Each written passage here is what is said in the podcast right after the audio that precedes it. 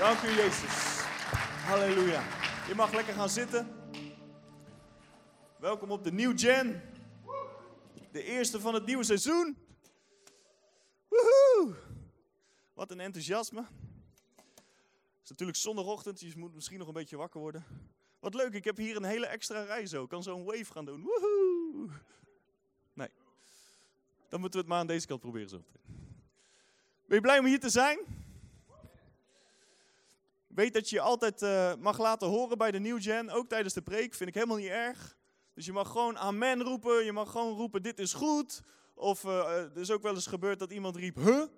Als hij het even niet begreep, vind ik ook niet erg. Je mag geluid maken vanochtend. Dus wil je even wat geluid maken? Wil je me even laten weten dat je er bent?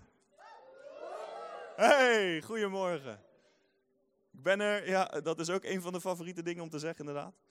Ik heb een nieuwe verzonnen voor dit seizoen. Ik was de ik ben er een beetje zat. Dus vanaf nu wil ik voorstellen, als we een Bijbeltekst opzoeken en je hebt hem gevonden, dat je dan niet meer zegt, ben er. nee, dat je zegt, prijs de Heer. Yes, halleluja. Dus dat mag je eigenlijk direct doen. Heb je je Bijbel meegenomen vanochtend? Ja? Oh, ik zie heel veel echte Bijbels. Daar word ik heel blij van. Goed zo. Ik zei vanochtend al tegen eentje, hey, jij hebt bonuspunten, want jij hebt je, extra, je, je echte Bijbel mee. Je mag met me opzoeken Jozua hoofdstuk 1. Geen verrassing, want dat is ons jaarthema. Die ga je nog heel vaak horen. Dit seizoen. Prijs de Heer. Iemand zei alsnog per ongeluk banner. Hij schrok er zelf van. Als je er bent mag je zeggen, prijs de Heer. Doe het nog een keer. Jozua hoofdstuk 1, ik heb hem inmiddels zelf ook gevonden. Als je er nog niet bent, moet je even zeggen, ik wacht even. Dat zegt niemand, dus iedereen is er. Jozua hoofdstuk 1. Gaan we even lezen vanaf vers 1. En het gebeurde na de dood van Mozes, de dienaar van de Heer, dat de Heer tegen Jozua, de zoon van Nun, de dienaar van Mozes, zei: Mijn dienaar Mozes is gestorven. Nu dan, sta op, steek deze Jordaan over, u en heel dit volk, naar het land dat ik aan hen, de Israëlieten, ga geven. En dan onze jaarthema tekst. Elke plaats die uw voedsel betreedt, heb ik u gegeven, heb ik jullie gegeven, overeenkomstig wat ik tot Mozes gesproken heb. Van de woestijn en deze Libanon af tot aan de grote rivier, de rivier de Eufraat. Heel het land van de Hettieten en tot de grote zee waar de zon ondergaat, zal uw gebied zijn. Vers 5. Niemand zal tegenover jou stand houden al de dagen van jouw leven. Zoals ik met Mozes geweest ben, zo zal ik met jou zijn. Ik zal je niet loslaten en ik zal je niet verlaten. Wees sterk en moedig, want jij zult dit volk, het land dat ik hun vaderen gezworen heb hun te geven, in erfbezit laten nemen. Even tot zover. Dit seizoen, zoals je aan alle kanten in de zaal kan zien, is ons jaarthema Taking Territory. Zullen we het een moment samen zeggen? 3, 2, 1. Taking Territory. En de tekst die daarbij geldt, zoals we net laatsten, elke plaats waar wij onze voet zetten, heeft Hij al aan ons gegeven. Dit seizoen gaan we heel veel gebied in bezit nemen. Gaan we heel veel gebieden samen innemen. Op de opening riep iemand, oh dat was ik, België. Nee, niet België. We gaan gebieden in bezit nemen zoals dopen. Wie van jullie is er al gedoopt? Wow, Bijna iedereen, geweldig. Nou, dan kunnen we oktober misschien wel overslaan. Nee, grapje, gaan we alsnog gewoon doen.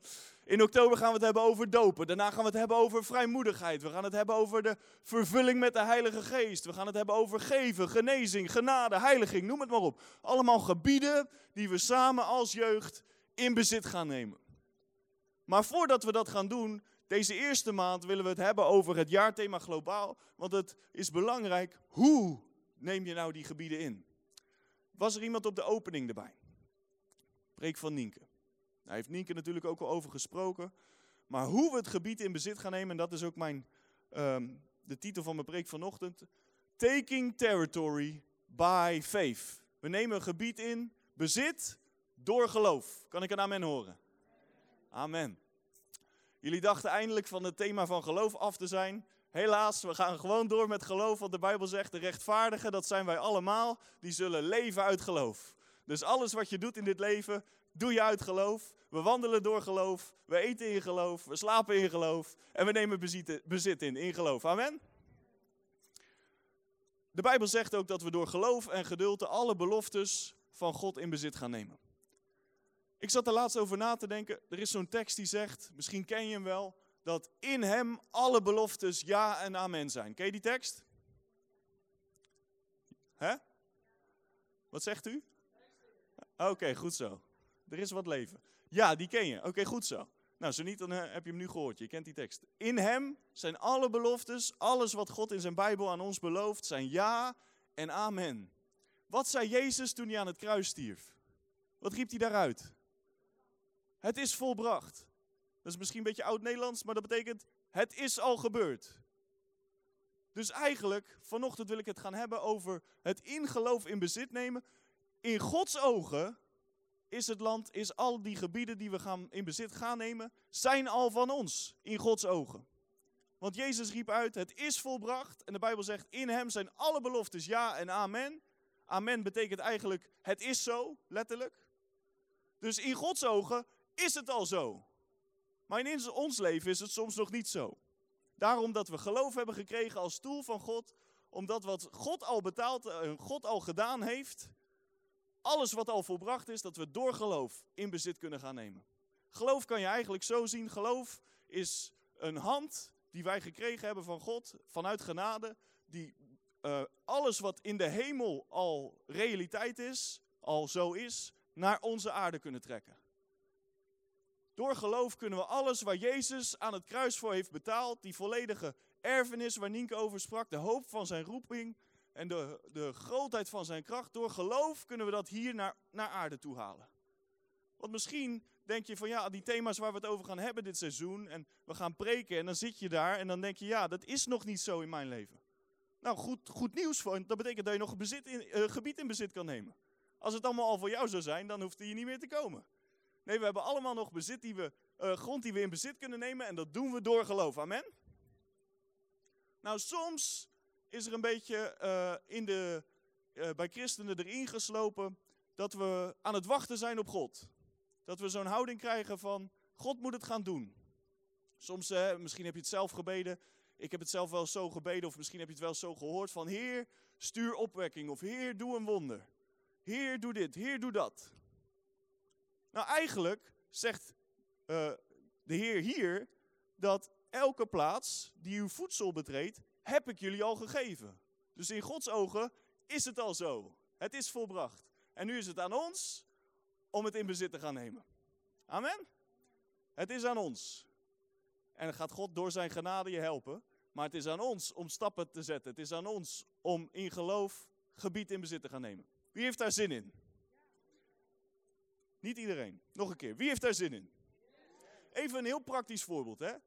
Wie, van jullie gaat er nou, wie van jullie gaat er naar de hemel als je sterft? Heel, heel ver later, ooit een keer. Wie, wie gaat er naartoe? Ik zie bijna alle handen omhoog. Ben je er ooit geweest? Heb je ooit de hemel gezien? Nee toch? Dus hoe, hoe weet jij dan dat je naar de hemel toe gaat? Wat zei je? Omdat je het gelooft. Maar je bent er nog nooit geweest, je hebt het nog nooit gezien. Maar door geloof weet je het zeker. Amen? Je weet zeker dat wanneer jij sterft, jij naar de hemel toe gaat. Dat is een zeker weten dus. Nou, zo is hetzelfde. Geloof voor al die, die gebieden die we dit seizoen verder nog in bezit gaan nemen. Want toen Jezus stierf aan het kruis, was dat niet alleen maar, ook, maar niet alleen maar zodat we naar de hemel konden gaan. Nee, zodat wij hier op aarde de volheid van God kunnen verkrijgen. Amen? Dus zo mag je geloof zien. Oké, we gaan naar onze kerntekst van deze ochtend, Hebreeën hoofdstuk 11. Zou je dat met me willen opslaan? Hebreeën hoofdstuk 11.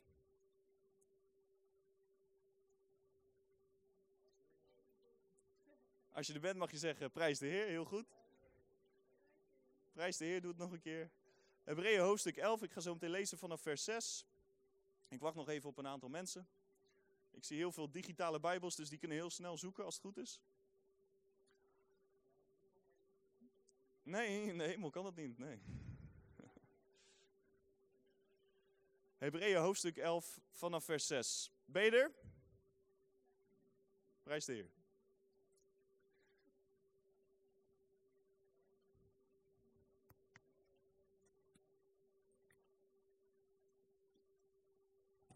Alright, ik ga lezen. Hebreeën hoofdstuk 11, vers 6. Zonder geloof is het echter onmogelijk God te behagen. Want wie tot God komt, moet geloven dat Hij is en dat Hij beloont wie Hem zoeken. Hier staat eigenlijk heel duidelijk de verantwoordelijkheid die wij als christen gekregen hebben.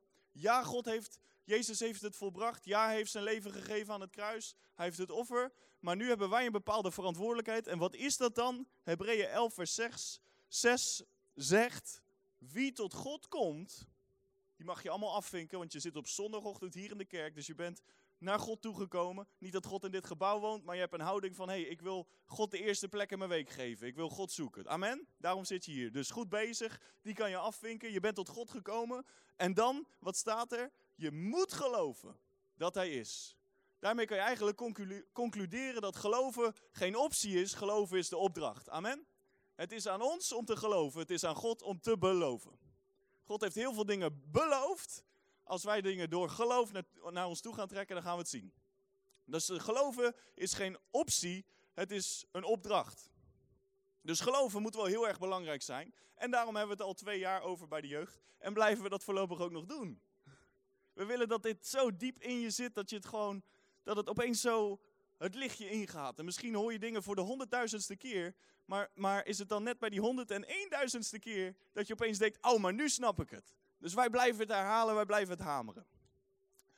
Vanochtend wil ik gaan heel specifiek gaan kijken hoe Jezus jou dan helpt om te geloven. Want de Bijbel zegt, wij moeten geloven. Amen. Het is geen optie, het is een opdracht. Maar gelukkig, Jezus helpt ons om te geloven. En dan wil ik eigenlijk naar twee specifieke voorbeelden kijken. Hoe Jezus jou helpt van nood naar geloof. En hoe Jezus jou helpt van hoop naar geloof. Want dit seizoen, al die gebieden waar we het over hebben, misschien heb jij een ernstige nood in jouw leven. Als we het misschien over genezing hebben. Misschien is er een, ben jij heel erg ziek. Of is er iemand in jouw gezin of in jouw kring heel erg ziek. Heb je een grote nood en moet die nood vervuld worden.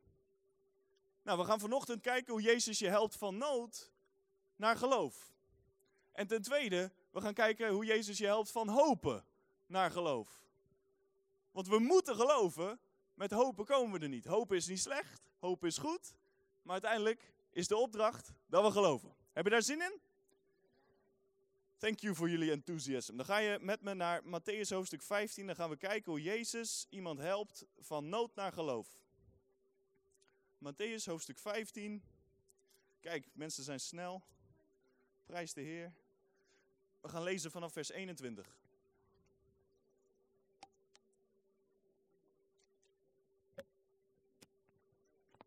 En als je aantekeningen neemt, mag je hierboven zetten.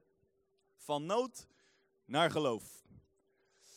Ik ga vast lezen. Vers 21. En Jezus ging vandaar weg en vertrok naar het gebied van Tyrus en Sidon. En zie een Canaanese vrouw. Dat betekent dat ze niet, niet Joods was, gezondheid. En zie een Canaanese vrouw die uit dat gebied kwam, riep naar hem: Heere, zoon van David, ontferm u over mij. Mijn dochter is ernstig door een demon bezeten. Maar hij antwoordde haar met geen woord. En zijn discipelen kwamen naar hem toe en vroegen hem: Stuur haar weg, want ze roept ons na. Hij antwoordde en zei: Ik ben alleen maar gezonden naar de verloren schapen van het huis van Israël. Maar zij, deze vrouw, kwam dichterbij, knielde voor hem neer en zei: Heer, help mij. Hij antwoordde echter en zei: Het is niet behoorlijk het brood van de kinderen te nemen en naar de hondjes te werpen. Vers 27. Zij zei: Ja, Heer, maar de hondjes eten ook van de kruimels die er vallen van de tafel van hun bezitter. Toen antwoordde Jezus en zei tegen haar: O vrouw, groot is uw geloof. Het zal gebeuren zoals je wilt. En haar dochter was vanaf dat moment gezond. Tot zover. Hier zie je een vrouw. Deze vrouw had een ernstige nood. Ze had een hele grote nood. En ze kwam bij Jezus op basis van die nood. Ik vind het grappig hoe de Bijbel dat zegt. Er staat dat deze vrouw een dochter had die ernstig door een demon bezeten was. Ik vind het grappig dat dat er zo specifiek staat. Alsof door een demon bezeten niet al ernstig genoeg is. Nee, die, ze was niet alleen door een demon bezeten, ze was ook nog eens ernstig door een demon bezeten. Dus, nou, door een demon bezeten worden zijn we allemaal over eens. Dat is niet echt fijn, hè? dat is niet echt prettig. Maar deze vrouw had dan ook nog eens dat ze ernstig door die demon bezeten was. Dus ze had een hele grote nood, kunnen we concluderen. Ja toch? Ja toch? Niet dan. Ze was bij Jezus gekomen op basis van deze grote nood. Maar wat zien we nou? Jezus, vers uh, 23. Jezus antwoordde haar met geen woord. Denk daar nou eens over na. Dit is Jezus, de Zoon van God. Er staat dat overal waar hij komt, hij de zieken geneest en demonen uitdrijft. Maar deze vrouw negeert hij compleet. Is niet heel pastoraal, toch? Is niet zo lief van Jezus eigenlijk. Deze vrouw had echt een groot probleem. En toch, hij negeert er gewoon. Bizar toch? Heb je er wel eens over nagedacht? Waarom zou dat nou zijn? Weet je waarom dat is? Omdat Jezus niet kan werken met jouw nood. Hoe groot je nood ook is, hoe groot je probleem ook is, hij moet werken met jouw geloof. En ik wil je vanochtend uitleggen waarom dat zo is. Misschien zit je al twee jaar lang bij Nehemia Youth nu inmiddels. Heb je al twee jaar lang dat jaarthema van geloof gehoord. En is bij jou die vraag omhoog gekomen van ja, we hebben het continu over geloof, maar waarom, waarom nou? Waarom is dat geloof nou zo belangrijk? Waarom hameren jullie nou continu op geloof? Een ander woord voor geloof is simpelweg vertrouwen. Amen? Een ander woord voor geloof is vertrouwen. Nou, wat wil God al vanaf het begin van de schepping? Hij wil relatie met mensen. En wat is de basis voor een relatie? Hè? Ik hoor je niet. Ik hoor niet wat je zegt. Iets harder. Wat is de basis voor een relatie? Vertrouwen. Ja. Dus Jezus wil relatie met ons. Hij wil vanuit die relatie dingen doen in ons leven. Maar de basis voor een relatie is dat er vertrouwen is in de relatie. Ja toch? Jullie hebben een relatie? Je moet elkaar vertrouwen. Ja. Vertrouw je er? Ja, goed zo. Vertrouw je hem? Ja, goed zo. Anders zou er geen relatie mogelijk zijn. En dan wordt het opeens heel logisch waarom de Bijbel zegt, zou ernstig zijn als ze nu opeens zeggen, nee, ik vertrouw... Uh, Eigenlijk niet, ja, durf dat maar eens te zeggen. nee, dan wordt het opeens heel logisch waarom de Bijbel zegt, je moet geloven. Want in een relatie moet je vertrouwen. En een ander woord voor geloven is vertrouwen. Dus je moet vertrouwen, anders is er überhaupt geen relatie mogelijk. Dus God wil relatie met ons en Jezus wil door die relatie dingen doen in ons leven. Hij wil je helpen met je nood, maar je moet komen op basis van geloof. Nou, dat zeg ik eigenlijk verkeerd. Het is prima om te komen met je nood bij Jezus, want er valt nog iets op in het verhaal. Hij negeert er dan wel, maar hij stuurt er ook niet weg. Het is niet dat hij zegt van ja, jij komt nu niet op basis van geloof, dat doe je verkeerd, dus jij moet weg. Dat zeiden de discipelen wel, die zeiden stuur weg. Maar dan zie je heel specifiek dat Jezus zegt nee, ik stuur niet weg. Wat begint Jezus wel te doen?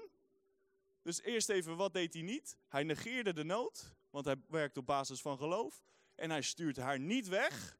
Maar wat doet Jezus dan wel? Daar kunnen we van leren. Hij begint eigenlijk gewoon de waarheid van het woord van God te zeggen. Eerst zegt hij tegen haar: Ik ben alleen maar gekomen naar de verloren schapen van het huis van Israël. Jezus was een Jood. Deze vrouw was niet Joods. Jezus was specifiek door de Vader gestuurd, allereerst naar het Joodse volk. Dus hij zegt gewoon een waarheid hier. Hij zegt gewoon het woord van God. Ik ben gekomen voor de Joden. Nou, deze vrouw, die dus niet Joods was, had heel makkelijk door wat Jezus zei ontmoedigd kunnen worden. Nou, ja, oké, Jezus is gekomen voor de Joden. Maar ik ben Cananees, wat dat ook mag zijn. Ik ben Belgisch, dus ik ben geen Jood. Dus oké, niet voor mij. En dan had ze naar huis kunnen gaan en er was er niks veranderd. Maar dat deed ze gelukkig niet, toch? Nee, toch? Nee, wat deed zij? Wat deed zij? Zij kwam nog dichterbij.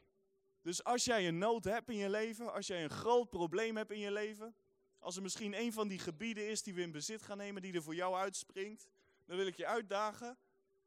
Laat die nood die jou hebt, laat het je dichter naar Jezus toe drijven. Want dat is letterlijk wat deze vrouw zei. Vers 25 staat dat. Maar zij kwam dichterbij. Laat jouw nood je dichter naar Jezus toe drijven. Ja? Laat het zorgen dat je nog dichter bij hem komt. Maar wat gebeurt er dan als tweede? Wat doet Jezus dan als tweede? Hij zegt nog iets tegen haar. Hij zegt: Het is niet behoorlijk, het is niet juist, het is niet netjes het brood van de kinderen te nemen en naar de hondjes te werpen. Hij noemt haar niet een hond, zoals sommige mensen het wel eens uitgelegd hebben. Nee, Jezus was gekomen voor de Joden. Zij was niet Joods. Hij zegt: Het is niet netjes om. Hij is het brood des levens, om mijzelf te geven aan mensen die niet Joods zijn. Ik ben gekomen in eerste instantie voor de Joden. Nou, levert eens in. Dat jij die vrouw bent, jij hebt zo'n ernstige nood, je komt bij Jezus. En Jezus zegt eigenlijk dit. Het kan eigenlijk heel erg afwijzend overkomen, ja toch? Het klinkt eigenlijk alsof Jezus het niet wil of het niet gaat doen, toch? Als je het zo leest. Maar die vrouw, en daar zie je dat opeens geloof komt, die vrouw zegt, ja, dat is zo, maar zelfs de hondjes eten de kruimels van de tafel. Dus wat doet die vrouw? Zij pakt dat wat Jezus heeft gezegd en ze maakt het persoonlijk voor zichzelf. En daar wil ik je voor uitdagen dit seizoen. Misschien gaan er dingen gezegd worden in een preek die klinken alsof het jou afwijst. Of misschien gaan we dingen lezen in de Bijbel die misschien heel scherp klinken en heel afwijzend of ontmoedigend klinken. Nou, geloof doet dan dit. Geloof pakt dat woord van God en maakt het persoonlijk. Maakt het voor zichzelf persoonlijk. Zoals Jozua, weet je, als we dat lezen, dat je leest elke plek waar ik mijn voet zet, heeft God aan mij gegeven. Pak het woord van God, maak het persoonlijk. Trek het naar jezelf toe. Amen. Dat zie je deze vrouw doen. En dan opeens krijgt ze een compliment van Jezus dat hij zegt, oh vrouw, groot is je geloof. Ik wil graag groot geloof hebben. Wie is met me? Weet dat je allemaal een mate van geloof hebt toebedeeld gekregen. We hadden het net over zeker weten dat je naar de hemel gaat. Je weet dat zeker, dus je hebt geloof blijkbaar. Je kan nooit zeggen, ik heb geen geloof. Want jij weet dat je naar, naar de hemel toe gaat, dat kan je alleen maar zeker weten door geloof. De Bijbel zegt, wie met zijn hart gelooft, met zijn mond beleidt, die is gered. Dus weet, jij hebt een mate van geloof. Anders zou je dat niet kunnen zeggen. En nu, wanneer je wil groeien in geloof, zoals onze tweede pijler, groeien in geloof is onder andere door dit te doen. Dat wat Jezus zegt, dat wat het woord van God zegt, te pakken en persoonlijk te maken. Voor jezelf, naar je toe te trekken. En dan moet je soms even ergens doorheen. Deze vrouw, zoals ik zei, had heel makkelijk zich afgewezen kunnen voelen. Het klinkt alsof hij er een hond noemt, ik bedoel maar. Maar wat doet zij? Zij maakt het persoonlijk en ze trekt het naar zichzelf toe. En vanaf dat moment is die dochter genezen. Bevrijd. Want Jezus kan alleen werken met geloof. Amen? Heb je hier wat aan? Gelukkig. Alright, dan gaan we naar de tweede. Van hoop naar geloof. Dan mag je met me opslaan, Lucas 24.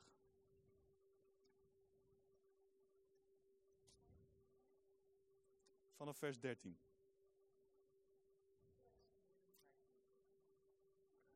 Dus gaan we er echt in nou. Leuk. Het verhaal van de Emmausgangers. Vanaf vers 13. Het staat boven de Emmausgangers. Praise the Lord. Mag het ook op zijn Engels doen. Allemaal niet erg. Lucas 24 vanaf vers 13. Heb je hem gevonden? Is er iemand nog niet? Ik hoor geen amen. Alright, ik ga het lezen. Heel veel Bijbel vandaag. Vers 13. En zie, twee van hen gingen op diezelfde dag naar een dorp dat 60 stadien van Jeruzalem verwijderd was en waarvan de naam Emmaus was. En zij spraken met elkaar over al deze dingen die gebeurd waren. Dit is vlak nadat Jezus gekruisigd is en hij is ondertussen opgestaan, maar dat hebben zij nog niet door. Vers 15. En het gebeurde, terwijl zij met elkaar spraken en van gedachten wisselden, dat Jezus zelf bij hen kwam en met hen meeliep. Maar hun ogen werden gesloten gehouden, zodat zij hem niet herkenden. En hij zei tegen hen, wat zijn dit voor gesprekken die u al lopend met elkaar voert, en waarom ziet u er zo bedroefd uit? En de een, van wie de naam Cleopas was, antwoordde en zei tegen hem, bent u als enige een vreemdeling in Jeruzalem dat u niet weet welke dingen daar in deze dagen gebeurd zijn? En hij zei tegen hem, welke dan? En zij zeiden tegen hem, de dingen met betrekking tot Jezus de Nazarener, die een profeet was, machtig in werken en woorden voor God en heel het volk. En hoe onze overpriesters en leiders hem overgeleverd hebben om hem ter dood te veroordelen en hem gekruisigd hebben. En wij hoopten dat hij het was die Israël zou verlossen. Maar al met al is het vandaag de derde dag sinds deze dingen gebeurd zijn. Maar ook hebben sommige vrouwen uit ons midden, die vroeg in de ochtend bij het graf geweest zijn, ons versteld doen staan. En toen zij zijn lichaam niet vonden, kwamen ze zeggen dat ze zelfs een verschijning van engelen gezien hadden, die zeiden dat hij leeft. En sommige van hen die bij ons waren, gingen naar het graf en troffen het ook zo aan als de vrouwen gezegd hadden. Maar hem zagen zij niet. En hij zei tegen hen, o onverstandige en trage van hart, dat u niet gelooft al wat de profeten gesproken hebben. Moest de Christus dit niet lijden en zo in zijn heerlijkheid ingaan? En hij begon bij Mozes en al de profeten en legde hun uit wat in al de schriften over hem geschreven was. Ik sla even een paar versen over. Dan het laatste vers die ik wil lezen, vers 32, uh, 31. En hun ogen werden geopend en zij herkenden hem, maar hij verdween uit hun gezicht. En zij zeiden tegen elkaar, was ons hart niet brandend in ons toen hij onderweg tot ons sprak en voor ons de schriften opende.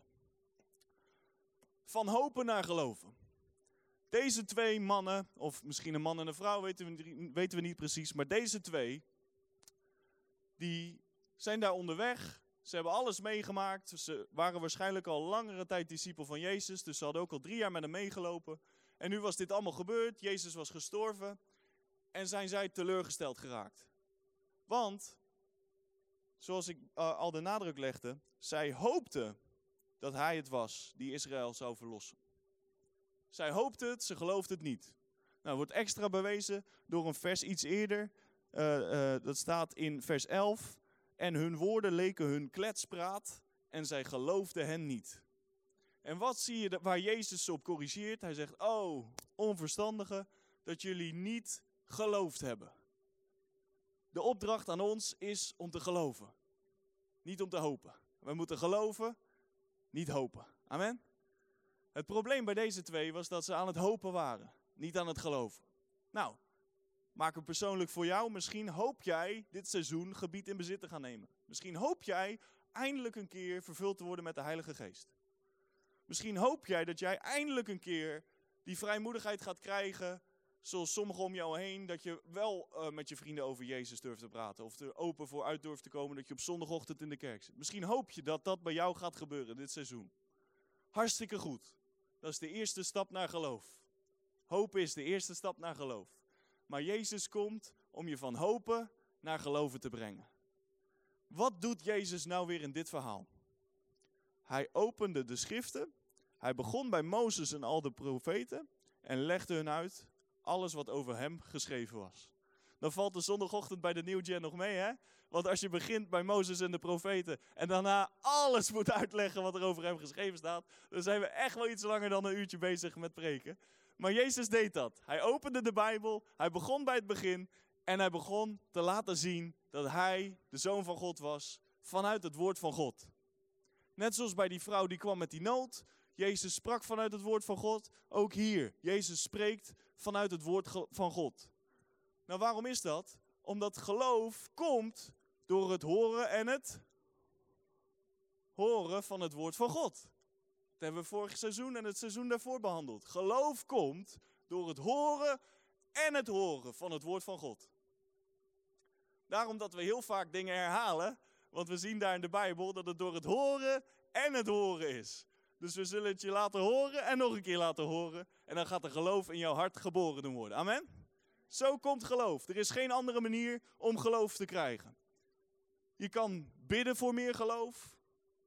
Je kan je connectgroep leider vragen van, hey, geef me meer geloof. Maar de enige bijbelse manier om meer geloof te krijgen, is simpelweg door het horen en het horen van het woord van God. En daarom dat ook Jezus zich daaraan houdt, want hij begint het woord van God aan hun te vertellen. Zij hoorden het woord van God. En wat gebeurt er?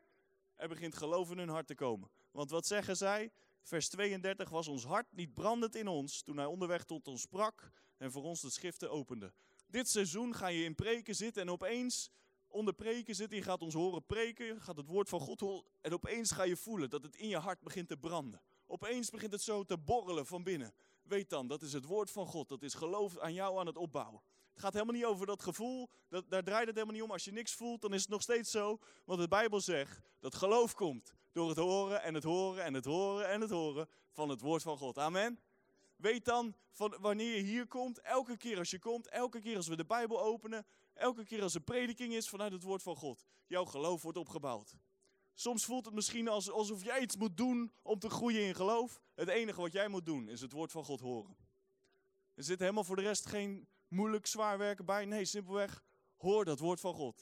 En het goede nieuws is, dat hoef je niet alleen hier te horen. Natuurlijk ga je het hier horen, maar dat kan je ook gewoon uit je eigen mond horen. Wanneer jij stille tijd hebt en de Bijbel leest, zou ik voor, voor willen stellen, lees de Bijbel hardop. Ik doe dat zelf ook. Ik lees hardop, behalve als Nienke slaapt, want dan wil ik haar niet wakker maken. Maar dan lees ik hardop de Bijbel, want dan hoor ik uit mijn eigen mond het woord van God. En de Bijbel zegt dat geloof komt door het horen en het horen van het woord van God. Er staat niet dat het alleen komt als, als Victor of Nienke of Jason of Femke of wie dan ook het preekt. Nee, het komt simpelweg te horen. Dus je hoeft alleen maar te horen. En dan gaat geloof komen. Nou, waarom moest Jezus nou brengen van hopen naar geloven?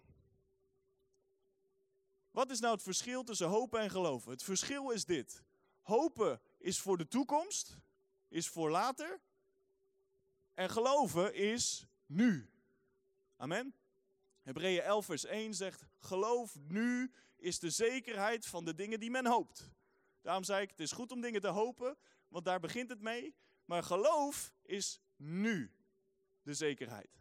Jij weet nu zeker dat jij naar de hemel toe gaat wanneer je sterft. Dat weet je nu al, ook al is het nog niet gebeurd.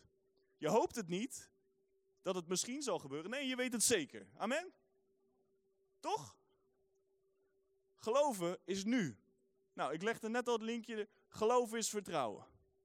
En ik wil je dit vertellen en ik geloof dat het dan opeens gaat zakken in je hart.